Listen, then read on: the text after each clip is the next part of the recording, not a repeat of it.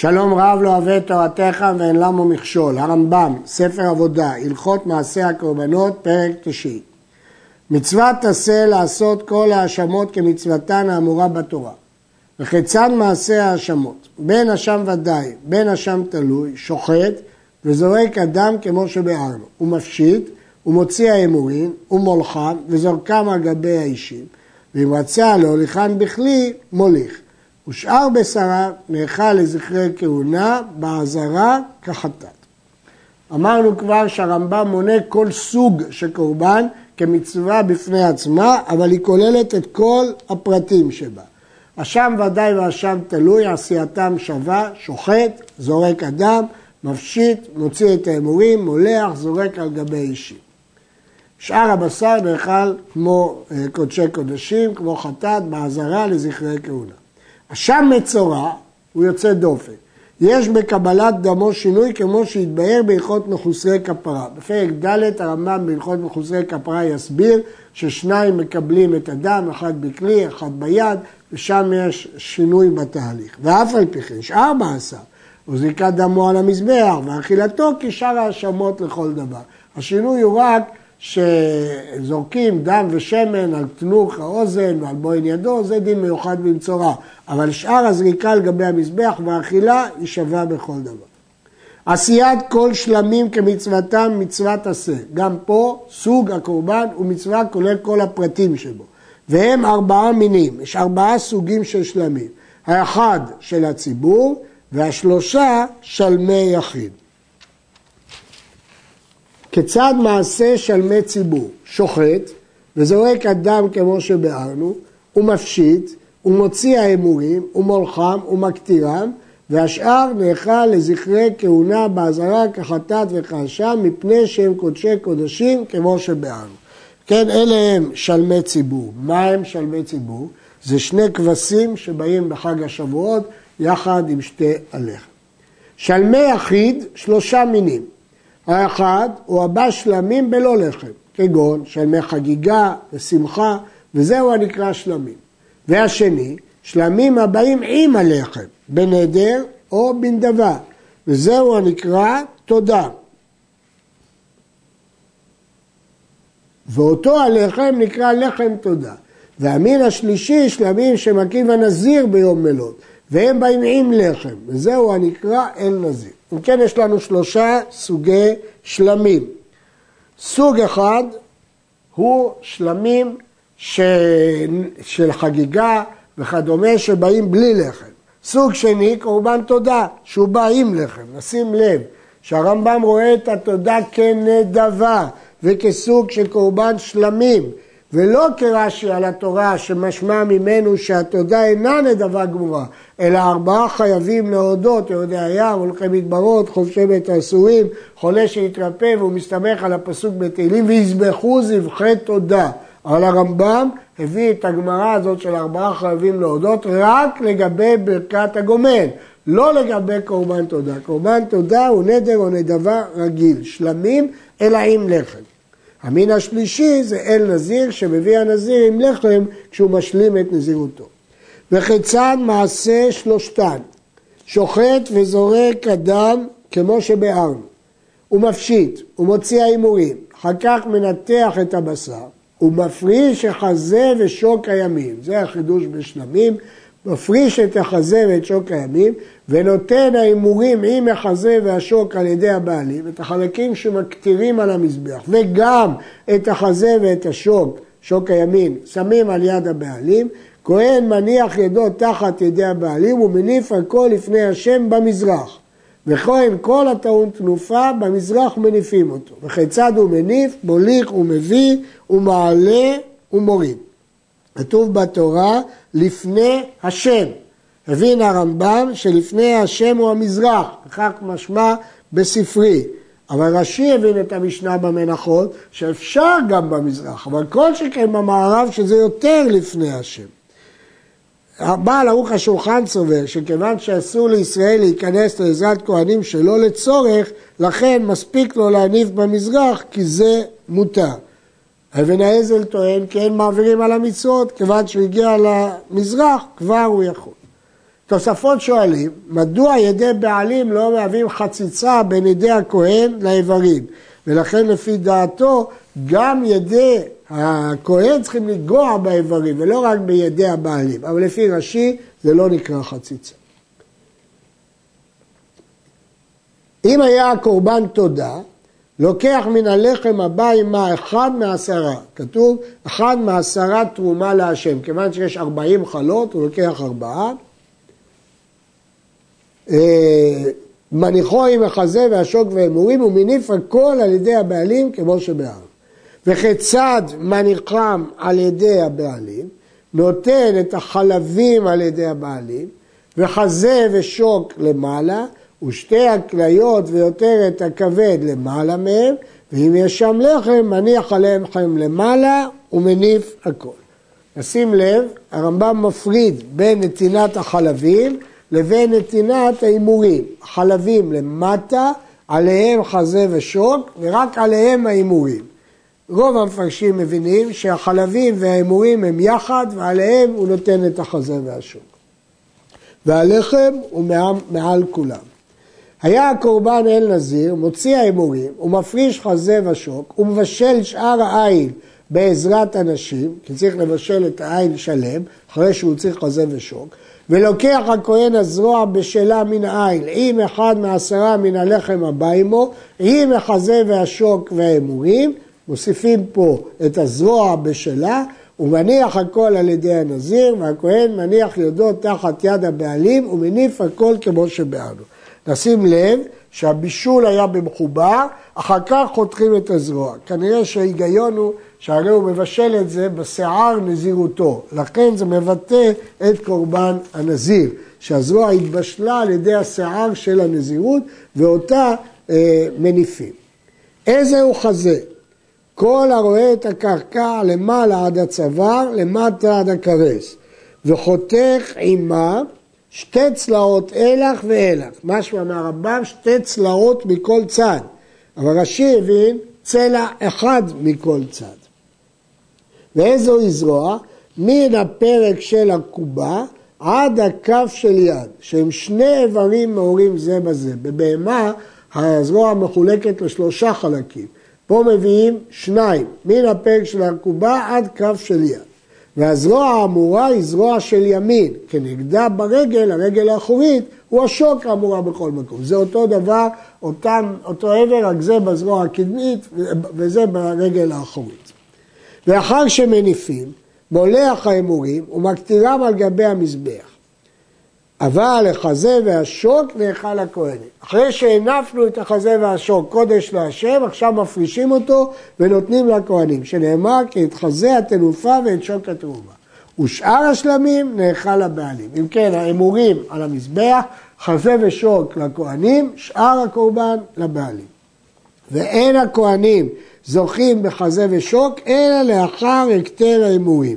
כך סדר הפסוקים. והקטיר הכהן את החלב במזבחה, ואחר כך והיה יחזה לאהרון ובניו, ויקרא פרק ז'. והוא הדין ששאר הבשר מותר באכילה לבעלים רק לאחר הקטרת ההימורים. כי אחרי הקטרת ההימורים זה מה שמתיר את החזה והשוק לכהנים ואת שאר הבשר לבעלים. וכן הלחם שמניב בתודה ובאל נזיר והזרוע בשלה נאכלים לכהנים. ושאר הלחם עם שאר הבשר נאכל לבעלים. אמרנו שהוא לוקח אחד מכל עשרה קורבן, וזה ניתן לכהנים. וגם הזרוע בשלה של עין לכהנים. והלחם שמניף עם החזה ושוק הם הנקראים מורם מתודה. אבל שאר הלחם זה לבעלים.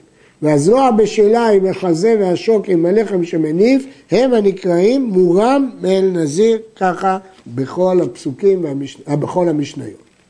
הלחם המורם מן התודה אמרנו שלקחנו אחד מכל עשרה תרומה להשם והנפנו ונתנו לכהנים, ספק תרומה הוא.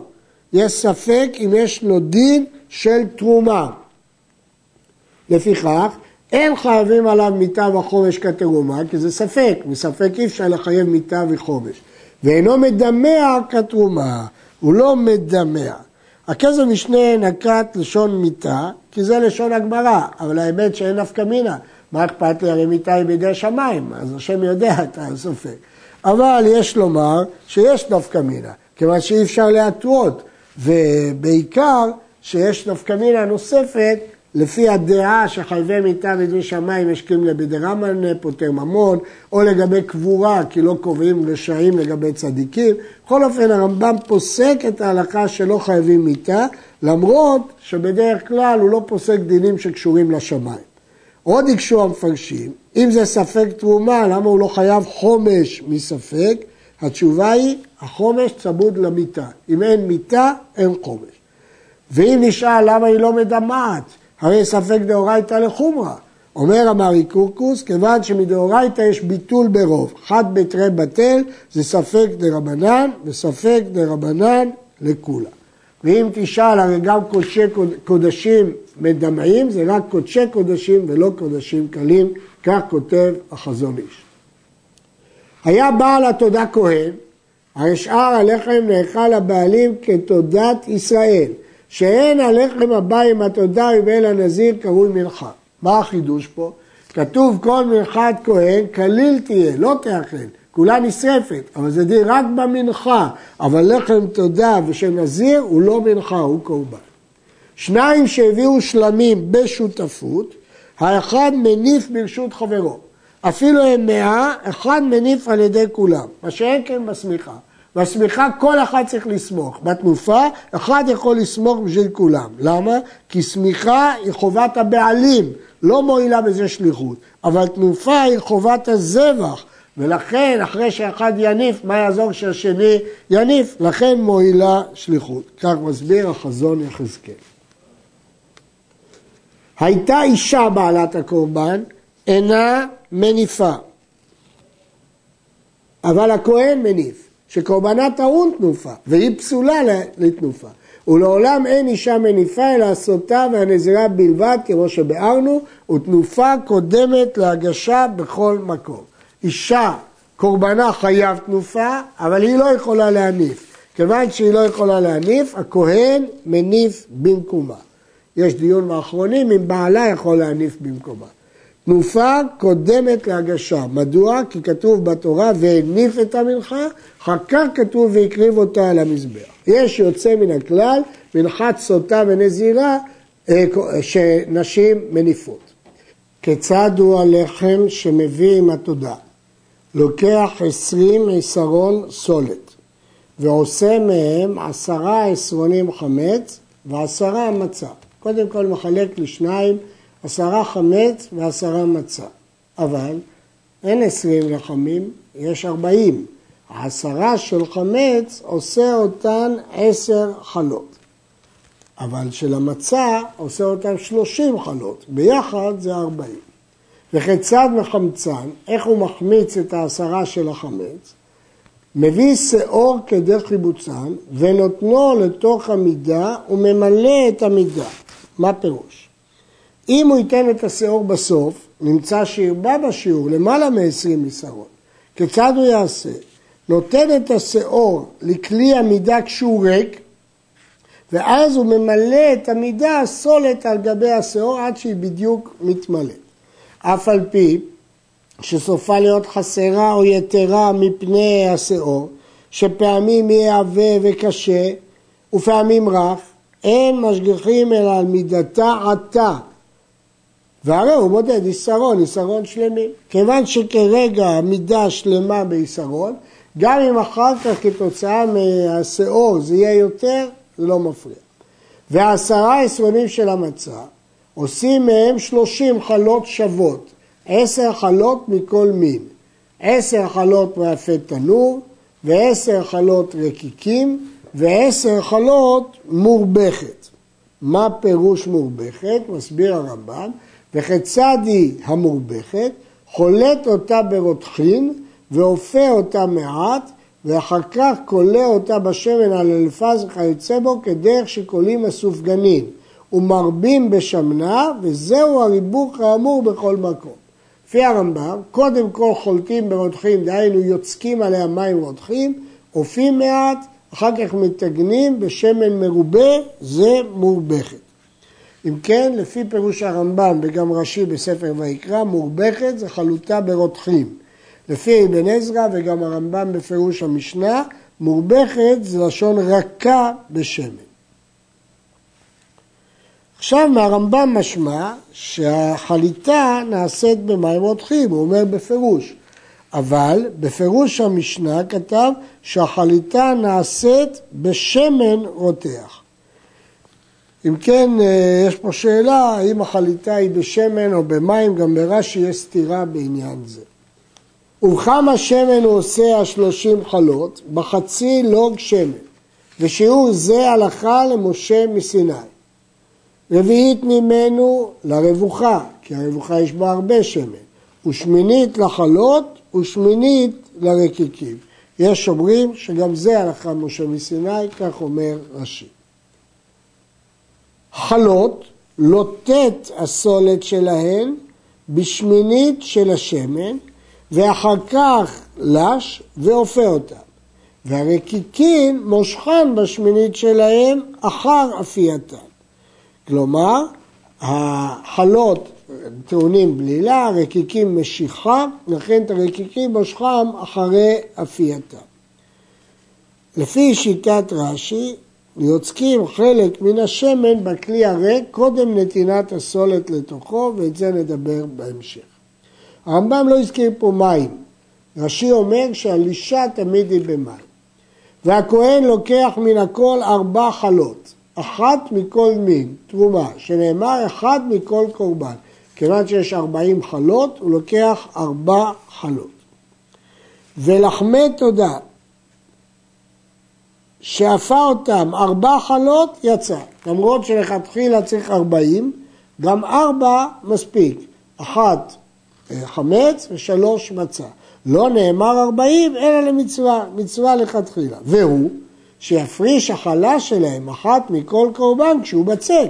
שאין מפרישים פרוסה, שנאמר אחד מכל קורבן, שלא ייטול פרס. התרומה לכהן צריכה להיות שלמה, אחד, לא חלק. אז איך יעשה את זה? הוא יפריש כשזה עודו בצק.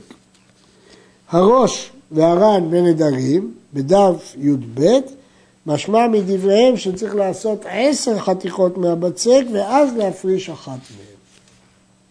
וכיצד הוא הלחם אם הבא אם אין נזיר? אמרנו שאין נזיר טעון לחם.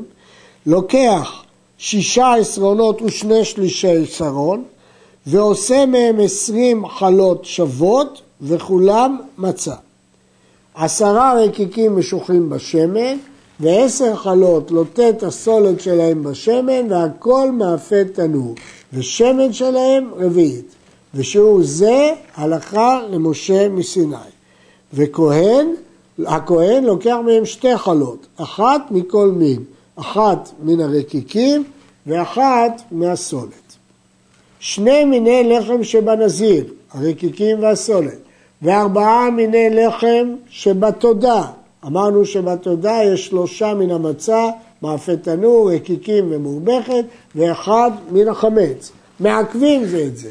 דהיינו, אם לא הביא אחד, הכל פסול.